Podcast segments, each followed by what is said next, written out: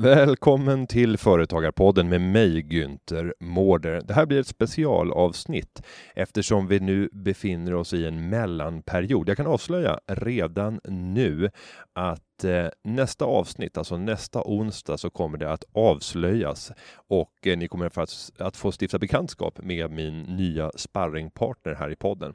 Det ska bli riktigt kul. Vi har haft eh, ett rejält uppvärmningsmöte en hel halvdag och en kväll och planerat för, för fortsättningen. Jag tror att det kommer bli ett eh, delvis annorlunda eh, företagarpodden som ni kommer att möta, men med eh, mycket värme, mycket matnyttigt när det gäller företag, företagande, tillväxt, jobbskapande, en del investeringar och framförallt ett och annat rejält skratt. När jag spelar in det här så befinner jag mig på Svenska Mässan i Göteborg. Det är Socialdemokraternas kongress, den stora partikongressen. Den går av stapeln vart fjärde år och håller på i dagarna fem. Jag tycker själv att det är en, en hemult lång tid, eh, men har fått förklarat mig av gamla partirävar här att eh, förr i tiden var det minsann en vecka. Eh, saker och ting blir med andra ord lite effektivare. Den här partikongressen har ju på många sätt eh, påverkats starkt av det som hände i Stockholm eh, förra fredagen när jag spelar in det här. Eh, det vansinnesdådet har också förändrat, tycker jag, den politiska debatten här från talarstolen. Eh, det är svårt att använda samma starka värdeord i frågor som till synes inte spelar lika stor roll eh, när man sätter det i ett perspektiv. Ehm, under det här avsnittet kommer ni också att få möta en person som inspirerar och Eh, som på olika sätt har gjort en närmast ofattbar resa. Han är med på vår turné som heter Misstagens mästare och som eh, reser runt i Sverige och kommer att göra ett antal stopp under hösten också. Eh, däribland, däribland Göteborg och Växjö och jag tror även Bålänge. Håll utkik på misstagensmästare.se för information om turnén kommer till just din ort. Han som ni kommer få möta är Per Johansson som är eh, grundare av Glada Hudik-teatern och som ska dela med sig av sina tankar kring vad misslyckanden och misstag är för någonting och hur man kan dra det till eh, sin fördel och faktiskt utvecklas. Men innan vi eh, går in på misstagsdiskussionen så har jag faktiskt stoppat en av eh, våra största profiler eh, av de politiska kommentatorerna. Jag låter er nu få lyssna till en kort analys från Socialdemokraternas kongress av en av Sveriges kändaste politiska kommentatorer. Varsågoda! Då sitter jag här med Mats Knutsson som är här och rapporterar för SVTs räkning. Välkommen till Företagarpodden Mats! Tack så mycket! Om du ska ge din första allmänna analys av de här första två och en halv dagarna eller knappt eh, av Socialdemokraternas kongress, hur skulle den låta? Ja, det är en partikongress som är helt olik alla andra jag har varit på på grund av naturligtvis det här terrordådet i Stockholm. Ett dåd som både har eh, förändrat liksom hela spelplanen för kongressen. Eh, det inledningsanförande som statsminister Stefan Löfven skulle ha hållit här på första dagen. Eh, det kom i en helt annan version igår. Det kom i en helt annan inramning. Eh, framför en stor svensk flagga lät han mer som en statsminister än som en partiledare. Eh, det var också andra frågor. Det var inte de traditionella välfärdsfrågorna, utbildningsfrågorna. Eh, utan det handlade mest om polis, försvar, eh, säkerhet i samhället. Så att eh, det här dådet har påverkat eh, kongressen väldigt, väldigt mycket. Jag har hört många som har eh, talat om att Stefan Löfven har framstått eh, mer som en, en statsman och burits fram som en tydlig ledare efter den här händelsen. Är det någonting du delar? Ja, alltså i ett sånt här läge, i ett nationellt krisläge, så är ju det statsministerns kanske viktigaste uppgift utåt sett. Det är klart att regeringens Eh, grunduppgift är att styra riket i ett sånt här läge att, då att fatta beslut som är då adekvata för det, den, den kris man är inne i. Men det här utåtriktade, det här ledande arbetet, den här ledarskapsfrågan, där har han ju tydligt tagit på sig den rollen och det märktes ju också när han höll tal här på partikongressen att det var ju snarare en eh, företrädare för hela svenska folket än för eh, Socialdemokratiska partiet som höll tal. Flera jag har talat med talar om att det här är det retoriskt eh, skickligaste talet som Löfven hittills har hållit som statsminister. Håller du med? Ja, det, han har ju inte varit eh, den främsta av politiska talare eh, tidigare. Eh, det är väl uppenbart att han på något sätt har funnit en, en roll under de här dagarna. Eh, från fredagen och de första framträdandena sent på fredagskvällen i tv via lördagens eh, eh, manifestationer och, och, deltagande på Drottninggatan och fram till då han hamnade i talarstolen. Ja, det känns som han bottnar eh, i den här rollen som han nu har tagit på sig. Om vi går vidare till en enskild sakfråga så har ju vinster i välfärden varit en fråga som har kommit att vara sprängstoff inför den här kongressen.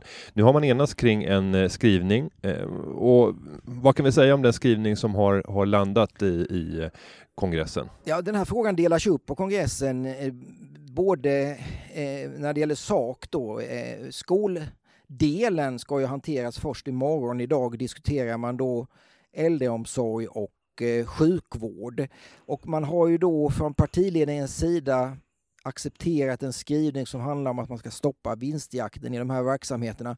Och det menar då de här hårdaste kritikerna är en stor, stor framgång. I praktiken betyder det inte särskilt mycket för att eh, Socialdemokraterna har under lång tid stått för eh, att man vill ha ett regelverk som stoppar vinstjakten. Problemet har ju varit att man har ju inte eh, förmått ta fram ett regelverk som når dit och som dessutom får politiskt stöd i riksdagen. Det är det snarare som är problemet för Socialdemokraterna än att man skulle vilja stoppa vinstjakten.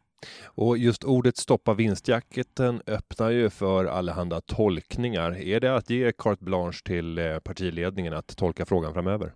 Ja, i praktiken så är det ju så att partiledningen måste ju få tolka den här frågan med tanke på att det finns ju inte ett Eh, stöd i riksdagen för att eh, gå hur långt som helst. Snarare tvärtom, så de konkreta förslag som föreligger saknar ju politiskt stöd, eh, vilket gör att eh, den socialdemokratiska partikongressen i det samhälle vi lever i idag kan ju egentligen fatta vilka beslut den vill i den här frågan. För saknar stödet i riksdagen så går det ändå inte att genomföra de här förslagen.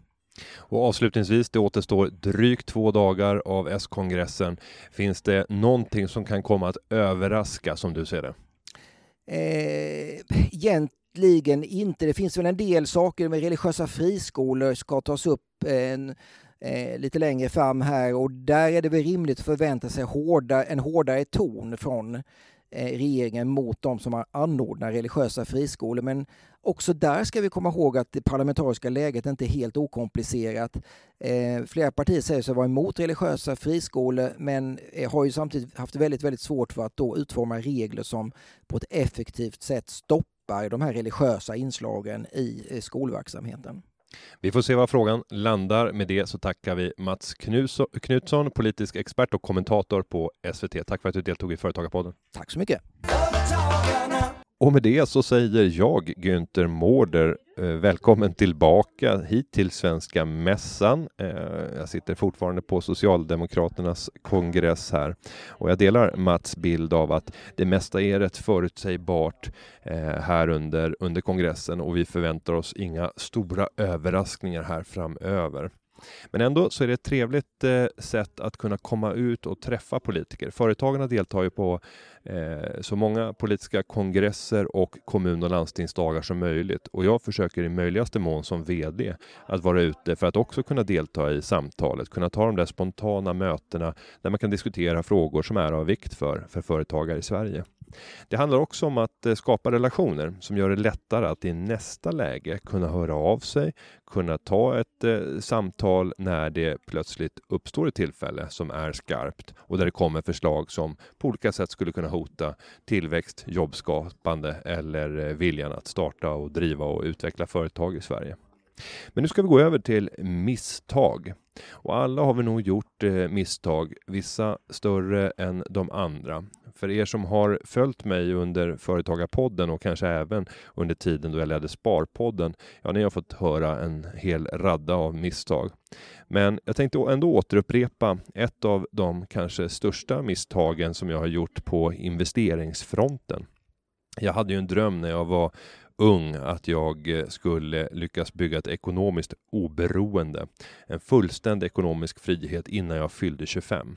Jag hade ärvt 10 000 kronor från mamma och pappa, eller ärvt, jag hade fått spara. Eh, de hade sparat ihop dem till mig och eh, de var investerade i premieobligationer. Det är för övrigt ett gigantiskt misstag vad ni än gör där ute. Spara inte pengar i premieobligationer åt era barn. Det är en helt värdelös sparform med tanke på att det är närmast obegränsad risk eh, och därmed också obefintlig avkastning.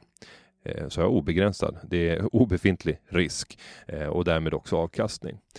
Så det är en sparform och ett instrument som inte alls lämpar sig för långsiktigt sparande. För långsiktigt sparande ska man våga ta risk och det var vad jag bestämde mig för då som 14-åring. Så de 10 000 kronorna som de hade sparat ihop i premieobligationer sålde jag av för att sedan investera i aktiemarknaden. Och det här var ju en tid kring 1996 då det mesta var guld och gröna skogar på börsen. Bostadsmarknaden hade precis vänt. Den vände 1995. För er som inte har varit med på eh, den tiden så skulle jag rekommendera er att gå in och titta på grafer över boprisutvecklingen och framförallt titta på, perioden från 1990 fram till 1995 för att förstå att bopriser kan inte ändligt stiga upp mot himlen. Det gäller även att kunna vara redo för förutsättningar i marknaden. Men nog talat om det. Eh, för egen del så investerade jag på aktiemarknaden. Jag började investera i flera av de heta IT-bolagen under den tiden och det gick fruktansvärt bra ska tilläggas. Jag jämförde även avkastningen med de fonder som min pappa hade investerat eh, i via Handelsbanken. Och han hade naturligtvis valt de fonder som rådgivarna, som det så vackert heter, hade rekommenderat honom. Men eh, min avkastning var skyhögt mycket högre och jag blev mer och mer mallig och kaxig och kunde inte förstå hur de där mm, dyra anställda kunde prestera ett så dåligt resultat när jag som gymnasieelev kunde outperforma dem rent avkastningsmässigt. Vad jag inte hade lärt mig vid det tillfället var att eh, risk och avkastning är ju tydligt sammankopplat och min förvaltning innehöll naturligtvis en otroligt hög riskprofil och därav också en hög avkastning. Sen ska jag väl säga att det var inga, inga dåliga investeringar eh, som jag gjorde. Många av eh, företagen befann sig eh, vars aktier var befann sig i en, en positivt stigande trend, så den analysen hade jag lärt mig. Det var företag som hade en stor potential framför sig. Sen var det inte alltid så att jag investerade i företag där det uppenbart fanns positiva kassaflöden. Det var ytterst sällsynt ska jag säga under den tiden. Idag har jag det som regel närmast när jag investerar i företag med några få undantag. Sen plötsligt så insåg jag att eh, om jag skulle fortsätta ha den här avkastningen som jag hade haft under de inledande åren så skulle de här 10 000 kronorna som nu hade vuxit sig rejält och eh, hunnit bli efter bara några, eh, ett och ett halvt eller två år så var de över 100 000 kronor. Jag jobbade även extra under den här perioden på bygget, först som städare och sen som pinnpojke och sen fick jag isolera, bära material och verktyg. Och det där var ju inte något lönsamt eh, extra knäck, men mot bakgrund av att jag hade noll i levnadsomkostnader i övrigt så blev det ändå en slant över varje månad som kunde investeras i aktiemarknaden. Sen insåg jag att om jag ska lyckas med mitt mål att bli ekonomiskt oberoende så måste jag hitta bolaget med stort B, vilket jag också gjorde.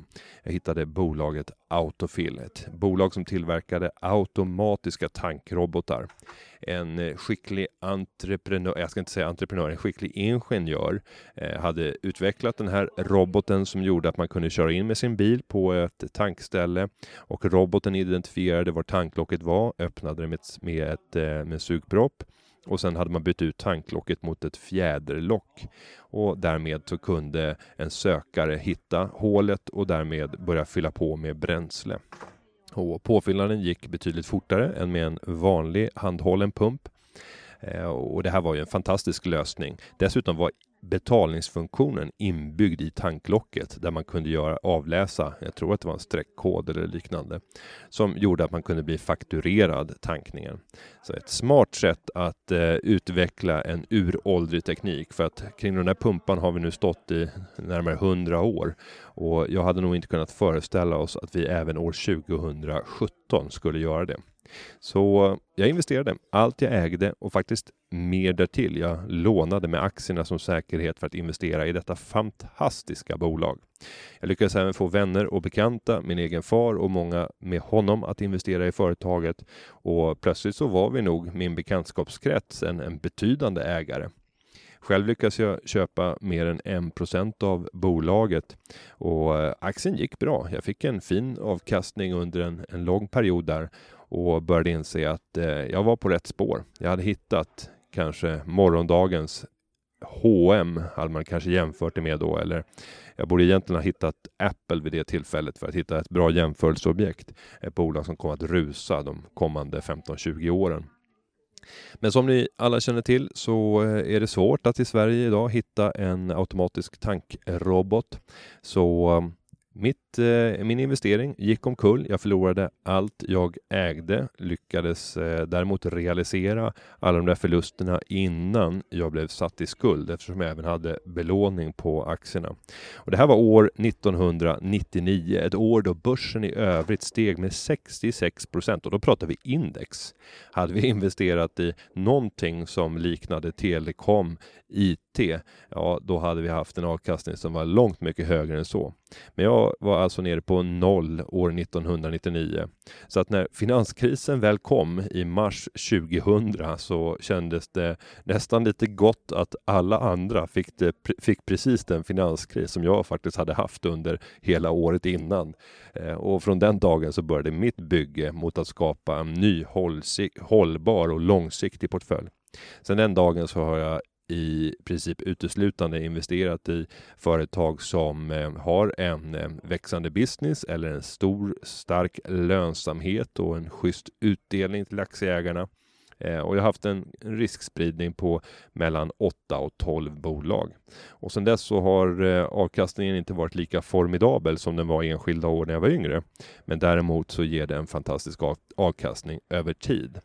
Och skulle jag nå 10-12% avkastning på mitt sparande så är jag mer än nöjd. Och det räcker med att du går in och räknar på ränta på ränta med 10% avkastning för att inse att det blir helt enorma belopp om du sparar över en längre horisont. Sparar du i 30-40 år så kommer det att ge betydande vinster.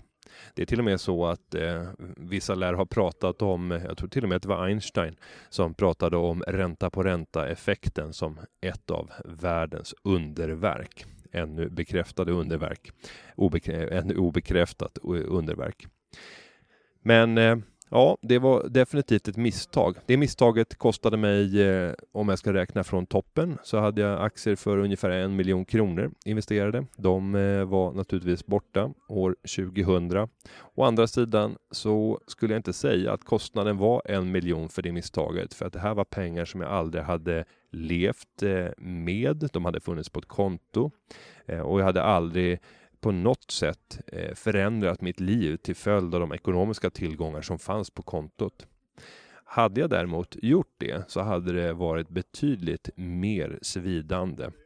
Eh, men i det här läget så ser jag det snarare som att det var 10 000 kronor plus lite hårt arbete då på bygget under ett antal år som var läxan för att jag skulle kunna bygga ett sunt sparande som förhoppningsvis kommer att leda till att om fem år, eller sex år, när jag eh, fyller 40, eh, kan vara så ekonomiskt oberoende som jag hade tänkt att jag skulle vara vid 25 i den ursprungliga strategin. Eh, sen kan man alltid fundera över vad ska man göra av ett sånt här ekonomiskt oberoende, en ekonomisk frihet. För mig handlar det inte om att sluta arbeta. Jag kommer förmodligen arbeta mer än någonsin vid den tiden. Däremot så handlar det om att våga ta större risker i andra delar av livet. Och skulle du vilja höra lite mer hur jag resonerar kring det här så skulle jag rekommendera dig att gå tillbaka i Företagarpodden och lyssna på det sommarprat som jag gjorde i slutet av sommaren 2016. där får du höra mer om mina tankar kring risk och avkastning i livet. Men med den inledningen så ska jag nu på vår eh, huvudgäst för programmet. Han har grundat Glada Hudik-teatern. Jag säger varmt välkommen till Per Johansson. Välkommen till Per Johansson, grundare av Glada Hudik-teatern. Tack, vad roligt att vara här. Ja, i Hässleholm befinner Ja. vi oss för tillfället och du har en lång tågresa ner hit eller? Ja, det är ju så att när man kommer från Norrland så får man lära sig hur kommunikationer fungerar, men eh, så, så länge tågen går så här bra så är jag väldigt nöjd. Jag tycker att att åka tåg för mig är en väldigt avkoppling. Det ska man sova lite, man kan koppla av och så kan man jobba. Ja. Eh, Och för de som eh, omöjligt, omöjligen har lyckats missa, vem är Per? Ja, ja, per är en kille som grundade Glada Hudik-teatern eh, 96. Vi har hållit på i 21 år och Glada Hudik-teatern är en teatergrupp med utvecklingsstörda och normalstörda. Som bland annat har gjort två långfilmer, en som heter Hur man lingon finns i världen som har blivit väldigt populär. Vi turnerar runt nu med en föreställning som heter Trollkarl från Os. Och, ja, vi fortsätter utveckla vår verksamhet och vi har också varit med och uppfunnit ICA-Jerry. Och det har vi uppfunnit därför att ICA skulle börja anställa utvecklingsstörda, och idag har de anställt 1750 stycken. Så det, det, vi har skapat en teater som en plattform, och så sen har vi kunnat jobba utåt från det. Och vi jobbar med att, att olikheter ska göra samhället bättre. Ja, wow. Eh, nu är du här i Hässleholm för att eh, delta på eventet Misstagens Mästare. Det är ju ett event där vi försöker lyfta upp eh, alla de baksidor som finns, som vi kanske inte talar så ofta om, Nej. som oftast är ett förstadie till framgång. Det man har sett från din karriär och det ni har lyckats åstadkomma tillsammans inom Glada Hudik-teatern är ju, det är bara framgång, det är tårar, det är vackert. Men det kan inte vara spikrakt? Nej, det är det ju inte. Och vad jag vill säga med det är dels att när man, när man är passionerad och om man är entreprenör så blir man oftast liksom besatt av den saken man är, man är passionerad för. Och då blir ju lätt jag. Och eh, vad jag kan säga i, i mitt fall så har jag, de misstag jag har gjort, jag har ju försakat min familj och mina barn. Och det, det tror jag liksom, när man oftast ska hitta knep till liksom hur man blir en bättre företagare så tror jag att det är viktigt att man mår bra som människa. Och så länge man lever med ett dåligt samvete, att man inte hinner med sina barn, så tror jag liksom man måste försöka hitta ett sätt att förhålla sig till det här. Och att förhålla sig också till företagande. För företagande överallt, då kan det bli bara att man sitter ensam kvar till slut. Eh, och det här vill jag också vill lyfta fram, för att många i den här situationen blir oftast besatta, oavsett om man håller på med Glada Hudik-teatern eller om man uppfinner någonting eh, exklusivt. Så att jag tror att, jag tror att, liksom att, att de här mjuka värdena eh, är viktigare än någonsin att lyfta fram eh, i, i den här debatten, tycker jag. Men jag tror att det är många företagare som känner igen sig i den bilden. Ja. Man väg hela sitt liv åt sitt företag, för där fick man bekräftelsen på sista raden. Man såg hur det växte. Ja. Eh, Det var så lätt att se resultaten. Mm, mm. Sen är det svårare kanske att se resultaten hemma vid, för Ja. där får man själv när man kommer hem för sent och har missat middagen ytterligare. Alltså hur har du kunnat balansera Nej, jag, har inte kunnat, jag har inte kunnat balansera det. Och, och när upptäckte du att det var på det sättet? Nej, men jag upptäckte liksom att jag, det var ju som det kom en klyscha för några år sedan man ska ge barnen kvalitetstid. Tror jag liksom att de, om de ser varenda vattenland som finns, och de går på en, åker varenda karusell som finns, kommer det bli lyckligt. Men nu är jag 47 år och nu har jag kommit på någonting annat. De vill inte ha kvalitet, de vill ha kvantitet. De vill, man finns där när man cyklar omkull och sätter på ett plåster, eller att man lagar makaroner och korv. Och framförallt att man är närvarande. Och, och jag, jag kommer alltid leva med det här dåliga samvetet. Liksom, och, men jag tror liksom att en sak för att, för att kunna lyckas med eh, sitt entreprenörskap, det är också att visa upp att man inte är fulländad som människa, att man också har dåliga sidor. Och det tror jag också inför sin personal, liksom att man är inte fulländad, man har väldigt dåliga, man har dåliga sidor som, som man kanske måste få lyfta upp och ventilera för att bli en, för att bli en bättre människa och kunna liksom förhålla sig till sig själv. Och vilka är de här svaga sidorna hos dig?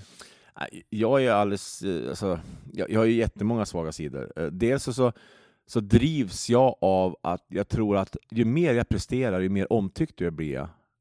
Eh, Och det säger ju mer min egen uppväxt liksom, än om, om, om, om, om vad jag håller på med. Och, och att drivas av att, att man tror att man blir omtyckt, det är väl också en väldigt bra egenskap, för det händer väldigt, väldigt mycket. Men jag tror att det är kopplat mer till min person. Och det måste jag liksom lära mig hantera. Eh, Och många tror bara du måste vara fulländad, du jobbar med utvecklingsstörda. Nej, jag är inte alls fulländad. Jag har jättemycket fel och brister. Och... Men så länge jag liksom försöker fly från dem, då lever ofta det här oket kvar att allt är inte så lätt. Men den grupp som du får möta är ju Mm. inte sällan en publik som eh, säkerligen blir eh, berörd, djupt ja. berörd. Mm. Det är både tårar, det är applåder som aldrig vill ta slut. Ja. Hur ska man förhålla sig till allt när man får så mycket bekräftelse i, i ett sånt typ av entreprenörskap? Jo, det, det, det är svårt att förhålla sig, för ena stunden kan man stå in, om- inför 2000 pers och alla bara du, det här är jättebra, åh, vi, vi både skrattar och gråter. Och andra stunden står du själv liksom hemma på gården i Hudiksvall och bara funderar på vad som hände egentligen. Och, och det här liksom, det, det är jättekonstig kontrast det här, för man tror ju liksom att man tror att livet ska levas här och nu, men jag, jag vet inte, jag har jättesvårt att förhålla mig just till det här. Och vad, vad jag vill säga med det är liksom att mitt största mål nu i mitt liv, det är liksom att försöka vara mer närvarande när jag liksom är i situationen, för jag rusar hela tiden vidare. Mm. Jag ska vidare. Även fast jag, jag fick ett jättefint pris, jag varit Årets eldsjäl på Svenska hjältegalan, och det är ett stort pris, tv-sänt, och jag fick hur mycket gratulationer som helst. Där i stunden, jag var jätteglad. Men nu vill jag vidare, liksom, vidare. Och de här priserna för mig säger liksom, det går inte in. Och många säger bara, du måste, du, du måste vara jätteglad över vad du har gjort. Jag, som, jag kan inte reflektera det riktigt. Mm. Det är också en bra och en dålig drivkraft. För ska jag sätta mig ner och vara nöjd, då skulle jag tror jag allting skulle också skulle bara, då händer det inget mer. Men jag vill hela tiden framåt. Så jag är nog en otroligt jobbig eh, ledare att ha att göra med. Det vet jag att jag är. Men när, när blir du ensam och ledsen? För de stunderna finns ju alltid i en entreprenörs vardag också. När man känner sig sådär liten och utsatt och bara... Ah. Jag, jag tror jag blir ensam och ledsen när jag inte räcker till för mina nära och kära. Mm. när jag försakar dem.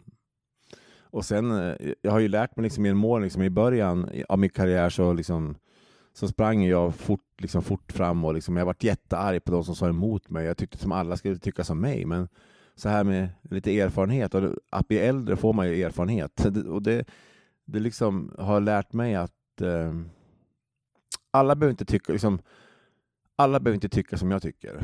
Och det begär jag inte heller, men jag, jag tycker att det jag gör, så länge jag kan gå till mitt jobb varje dag och känna att jag har gjort allt jag kan för att kunna göra det här bättre, så, så känner jag mig glad över det. Men förut tror jag liksom, måste jag ha alla med mig, för jag trodde att då skulle det vara bra. Men nu har jag fått lite mer insikter. Och om vi tittar på den gamla klyschan att eh, eh, man ska få ut det mesta ur varje enskild människa. Mm. Alla pratar om det. Mm. Eh, men få, om man faktiskt studerar handling när, det, när vi pratar chefskap, Mm. verkar fullt ut ta det på allvar. Du har ju jobbat med en grupp där det verkligen handlar om att göra en, en lång resa. Jag har ju Mm, fått lyssna mm. till det flera Mm. gånger. Vad kan man ta med sig från det arbete du har gjort med liksom scenkonsten som arbetsverktyg över till det vanliga företagandet genom att få ut mesta möjliga ur varje enskild? Ja, jag, jag tror att eh, det är ganska enkelt, att var och en i sitt arbetslag ska få göra det man är bra på. Och jag tror liksom inte att, att det är svårt att generalisera ett arbetslag, utan man måste liksom försöka se på varje individ vad de klarar av. Och får man, det är som att få ett fotbollslag att fungera. Liksom. Du har ju en, en, en, en vänsterback som kanske är bra, eh, bra offensivt, och så har du en högerback, eller en mittback som, som är bra defensivt. Och då ska du få de här Eh, kvaliteterna att matchas ihop. Och jag tror att en, en ledare eh, det här är min teori, det här, en ledare som vågar leda med emotionellt ledarskap, alltså vågar vara sig själv och visa eh, både på bra och dåliga saker, tror jag liksom är en ledare som i framtiden kommer att vara den moderna ledaren. För att jag tror inte på det här liksom att peka med hela handen. Jag tror liksom att man ska vara där och att man ska liksom eh, skapa ett engagemang bland personalen. Och det det tror jag lyckas med. Jag, jag är en väldigt engagerad människa och lyckas man engagera människor att de ska gå åt ett håll, då tror jag liksom att det skapar eh, underverk. Men vissa som är väldigt eh, tydligt eh, förälskade i strukturer, Ja. ordning, processer, Mm, mm. skulle tycka att det här var väldigt jobbigt. Ja. För det låter som att det är ett, ett lekfullt ledarskap. Jo, fast, fast jag, jag, eh, folk tror inte, men jag, jag har en otrolig inre struktur. Alltså, jag sitter liksom och gör listor varje kväll och jag, skapar ett in, inre struktur för att klara kaoset. Och, och det tror jag är jätteviktigt, för att eh, det som du läser på en teaterpjäs. Ju mer repeterad du är, ju mer du kan dina repliker, ju mer kan du improvisera. Och så tror jag också handlar om ett ledarskap, liksom, att ju mer du kan verksamheten, eh, och, och, och många säger så här att man ska inte kunna detaljkunskap. Liksom, kunskap. jag tycker tvärtom. Jag tycker att det är intressant att liksom, sätta mig in liksom, i kostymörens arbete. Liksom. Hur gör man det här? Bara för att jag ska kunna ha en dialog med kostymören, och det är då också man kommer närmare sin personal. Så att in i verksamheten Ja, in i verk- och på väl, tillsammans Ja, tillsammans. Och liksom vara där och finnas liksom, alltså försöka diskutera saker. För att jag vill, jag vill komma nära de jag jobbar med och bara, så att man känner liksom en, en, en respekt för att men, men inte bara att man blir så här ja-sägare till varandra, utan man måste liksom ha en säkerhet att säga ja och nej, och ändå liksom vara, ändå vara nära. För jag, jag, jag, en av mina framgångsfaktorer tror jag är att jag är så jävla nyfiken. Jag, jag är nyfiken på saker. Och så framförallt att jag anställer människor som är mycket bättre än mig själv. För det, jag, jag liksom jag märker ju, liksom, när jag tar in människor som är skyhögt mycket bättre än mig själv på olika områden, det är då det blir liksom resultat. Mm. Men sen tror jag också samtidigt som man, när man leder en kreativ organisation, så måste man ha lite diktatur i sig ibland, för att alla människor som är kreativa vill ju ofta ha ljuset på sig själv, och då måste man ibland peka att nu måste vi iväg, för annars så, så ja, vi är kreativa vill ha mycket ljus på oss, och då gäller det att balansera det. Och innan du grundade Glada Hudik-teatern för nu 21 Ett år år sedan, sedan. eh, så levde du ett kontorsliv. Ja. Och om det, nu kanske det är svårt att ens, ens komma ihåg den, den, den tiden, men, men, men sådana klassiska eh, misstag som man gör i, i den normala kontorsvardagen. Men det är väl att man hamnar i samma rutiner. Att man, tar, man kommer till jobbet, går och tar sin kaffekopp, sätter sig skrivbord, så att man gör samma sak hela tiden. Och det, det, jag har lovat mig själv, när, när jag hamnar i den rutinen, då måste jag byta jobb. Och det där är ju svårt att säga till eh, sina medarbetare. Ja, Eller? jag, jag, det är alltså, sen får man också acceptera att medarbetarna är olika. Liksom. Att, att, att en del behöver sitta och fika på morgonen. Förstår du? Att sitta och prata. Alltså, jag är inte så, för att när jag är väl på jobbet, då är det 190. Och det, och det, och, ja, alltså, jag säger inte att det är bara bra, för det är också väldigt dåligt. För då är jag liksom, när jag är fokuserad på någonting, då, då ska det bli så. Liksom. Det går väldigt fort. Och, och jag, ja, jag, pratar liksom så här, de, de, får, de får bli så här tydare, de får tyda mig, jag blir som en neandertalare. Liksom. Jag säger bara, jag är så långt framme i min, i min tankeprocess, så jag kan bara säga halva meningar, så de får tyda liksom halva, halva själv. De får ett stort ansvar då. Att, Ja, ja men alltså, sen, ja, men, och sen, och så sen framförallt att de inte säger bara ja, ja till allt. Jag måste ha motstånd. Och ju mer motstånd jag har, desto bättre är det. Så jag funkar bäst när det är riktigt jävligt. Och du har ju fått möta rejält motstånd Ja. eh, under den här resan. Och Ja. eh, vad jag förstår, inte minst hos eh, de eh, utvecklingsstörda, deras föräldrar och Ja. inställningen till vad du ville åstadkomma, vad du trodde var möjligt Mm, tillsammans. mm. Vill du berätta om det? Ja, alltså det var ju när vi skulle sätta upp den här första föreställningen i Hudiksvall, så fick jag ett samtal tre dagar innan från en mamma som sa att du får inte ställa upp min dotter på scen. Och då berättade hon sin livshistoria, att man hon hade fött sin dotter i slutet av 50-talet, eh, diagnos Downs syndrom, och så hamnade hon på institution, dottern. För läkaren sa att din dotter kommer bli obildbar, så hon lämnar bort henne. Och de var ju livrädda då liksom att, att deras barn eh, i Hudiksvall 96 skulle liksom ställas upp på en teaterscen, och vad skulle det bli då? Skulle det bli åtlöje? Jag hade inte egna, några egna barn då. Och så har jag en egenskap som jag tycker är grym, jag är väldigt naiv. Eh, och jag, vi hade krismöte innan liksom, och de sa bara nej, vi vill faktiskt inte det här. Och jag sa bara jo, jag tror på det här. Och jag kommer aldrig glömma liksom, efter första föreställningen när de här föräldrarna satt där och var livrädda, att när de kom efteråt och vi hade fått stående ovationen och kom och tårarna rann och sa att bara, det här är min son och det här är min dotter, titta vad de kan. Och när man får känna sådana reaktioner och man känner liksom att man gör skillnad för människor, då känns det lätt att gå till jobbet varje dag. Men i sådana där krislägen då, Mm. ni befinner er tre dagar innan du Mm. får ett sånt här besked. Mm. Hur ska man handskas? För att vi kan översätta det här säkert i vilken företagares vardag som helst när det Mm. inträffar saker som gör att allting av det man jobbar, drömmer om är hotat. Hur hanterar man en sån situation? Nej, jag vet inte. Alltså, jag, jag säger så, som jag brukar säga, att jag, jag är väldigt naiv. Jag, liksom, jag tänker inte i de banorna att det kan gå fel. För ska jag hela tiden tänka på vad inte, som inte skulle fungera, då tror inte jag vi ska starta Glada Hudik-teatern. Mm. Utan jag tänker bara, alltså, det är väl en liten del av, av min besatthet också. När jag är säker på att en sak ska fungera, och som jag tror ska fungera, då kör jag till 100% och lyssnar inte på någon annan. Och hur, viktigt är det med drömmar och målsättningar? För det får man alltid höra, att det är viktigt att sätta mål här i livet. Jag- Hur ser det ut för dig? Ja, men jag tror viktigt. Jag drömmer hela tiden, jag, jag fantiserar hela tiden. Det, det, det är ett av mina tillflyktsorter, att jag, att jag drömmer och fantiserar om livet. Eh, sen att sätta upp mål. Jag har aldrig satt upp ett långsiktigt mål. Jag har bara oftast satt upp fingret i luften och när det blåser bli, förbi en vind som jag tycker, det här är någonting, då hakar jag på det. Så, så jag är inte sån som sätter upp långsiktiga mål. Jag sätter upp liksom eh, mål för människor, att vi ska gå däråt. Men den vägen kan ju liksom ändras. vi kan ju ta en avfart, vi kan ta, liksom, ta en annan väg. Liksom, så att, eh, jag är ingen sån här långsiktighetsmänniska. Behöver du komplettera en grupp som du jobbar med tillsammans med, med personer som kan leva upp till det och måla upp de här tydligare målen, eller behövs det inte? Alltså, I min grupp så har jag människor som har en väldig struktur och människor som vill, som vill ha sitt. Men, men till exempel att vi, vi... Alltså, mitt sätt att tänka är liksom att, att jag jobbar med min intuition, jag är inte särskilt intelligent, jag jobbar med magkänslan. Och jag, när, jag får, när, jag, när, jag, när jag känner att det här, här finns en potential, då, då ser jag, det- alltså, det är väl min, en av mina starka saker, då ser jag att det finns, här finns det någonting vi kan göra. Och då, och då um, alltså det häftiga för mig också liksom att, att om jag, de de gånger jag satt upp mål att det ska se ut så här, så har jag liksom kommit på mig själv att liksom när jag kommer hit, då, det är så mycket andra riktningar man tar under vägen. Och det är också liksom en del av livet. Liksom att, så jag sätter, nej, jag sätter inte upp något. Nej. Nej.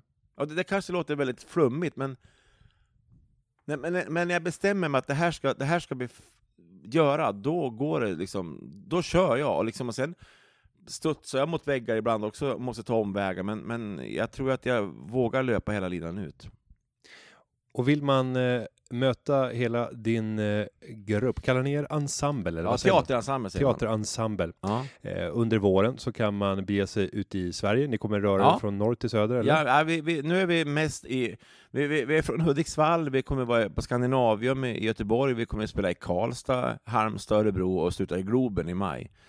Så att vi, kommer, vi, vi har turné under liksom hela maj. Och det, samtidigt jobbar vi också då mot, mot barn, 25 000 mellanstadieelever i ett barnprojekt som heter Barn föds inte med fördomar.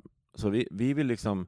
Vi vill med vårt sätt att tänka kunna förändra större delar av Sverige, för vi tror att, att olikheter gör samhället så mycket bättre. Och jag tror att får man gå i skolan och möta killar och tjejer med Downs syndrom, så får man inte så lätt fördomar mot utvecklingsstörda. Och får man gå i skolan och få en, en lärare från Afghanistan, så blir man inte så lätt rasist. Så vi måste in med det här, för att de här eh, värdegrundsorden vi skriver upp nu eh, överallt, i säga saker i teorin ger ju inte så mycket, utan vi måste säga att vi måste göra saker i handling. Och sen länge du handlar, då följer folk efter. Och så är det för, också för en företagare. Så länge du gör saker och folk fattar vad du gör, det är då liksom det blir intressant också för det här företaget. Mm. Och vill man fortsätta lyssna på det i en företagarkontext så kommer det ju även komma till Misstagens Mästare här till hösten. Ja. Och eh, vill man reda på datum och orter så går man in på misstagensmästare.se. Jag måste ju säga att du är också en radioröst. Jaså? Ja, Ja. Du låter som en, Ja, jag, jag tycker det låter liksom Roger Nordin. Alltså, du har nå, någonting där som liknar han. Ja, men jag drömde ju, eh, när jag var liten så hade jag ju ett mål och det var att få bli professionell korist. Att Okej. sjunga i kör och särskilt i gosskör. Eh, Okej. Men jag var blottade redan då min, min låga analytiska förmåga.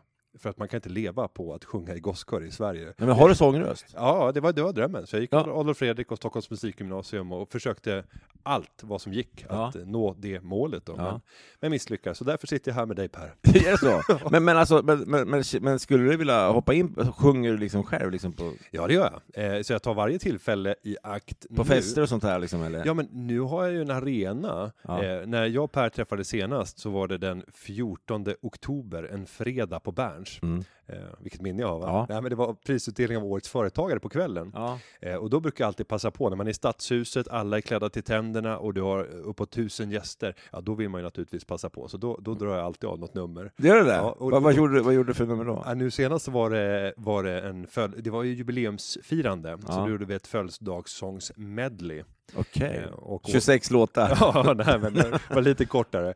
Men- Men året dessförinnan så tog jag med min eh, kör också. eh, Vad häftigt. För, för att sjunga och eh, gjorde några solo. Jag gjorde Så skimrande var aldrig havet. Och få göra den i Blå hallen.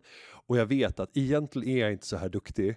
Men jag kan, för jag är vd på Företagarna och jag äger den här föreställningen. Det är, Alltså- fantastiskt, det är väl fantastiskt? Ja, men för mig så är det en stor njutning. Ja, men det, det, och, och liksom, så länge man får göra det man tycker om, det, man, och man ska ta chansen säger jag också. Ja. Jag, spel, jag startade Radio Hudik Teater för att jag vill spela teater själv, så det är liksom det, det är väl liksom, så länge man tycker om saker och, och gör saker med hjärtat, då tror jag det smittar av sig. Så sista medskicket blir, eh, våga ta för dig, ta varje chans i, i Ja, livet. och vill man boka dig då? Var ska man boka dig då? det, det är bara att ta kontakt. Det det? Jag kommer när det rings. Det kommer, det kommer ringa. Så bra.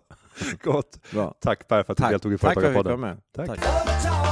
Och där är jag tillbaka från eh, Socialdemokraternas kongress Svenska mässan för att avrunda det här poddavsnittet. Per är en människa som berör eh, och hans eh, historia är, rymmer så, så mycket. Att göra det som i andras ögon verkar vara omöjligt och lyckas skapa känslor hos mottagarna och också hos utövarna som bildar magi. Ja, det är Eh, om ni får tillfälle att lyssna på Per, antingen på Misstagens Mästare eller i samband med någon av hans andra föreläsningar eller helst av allt kanske gå och se en föreställning av Glada Hudik-teatern så rekommenderar jag er att göra det varmt. Men nu återstår bara för mig att återigen tipsa er om att ställa frågor till Företagarpodden. Det gör ni enklast genom Twitter och Instagram genom att använda hashtaggen Företagarpodden med Ö. Eller så går man in på Företagarpodden.se. Där finns det ett formulär där man kan ställa frågor. Och från och med nästa vecka så är det ju en ny konstellation här i studion. Jag ska inte avslöja vem personen är som kommer att vara vid min sida framöver, men jag kan lova er att det kommer bli riktigt bra. Så med det så säger jag att den här podcasten har klippts av Gustav Dalesjö. Vi hörs igen nästa vecka. Hej då! Företagarna, ja, ja, ja, ja.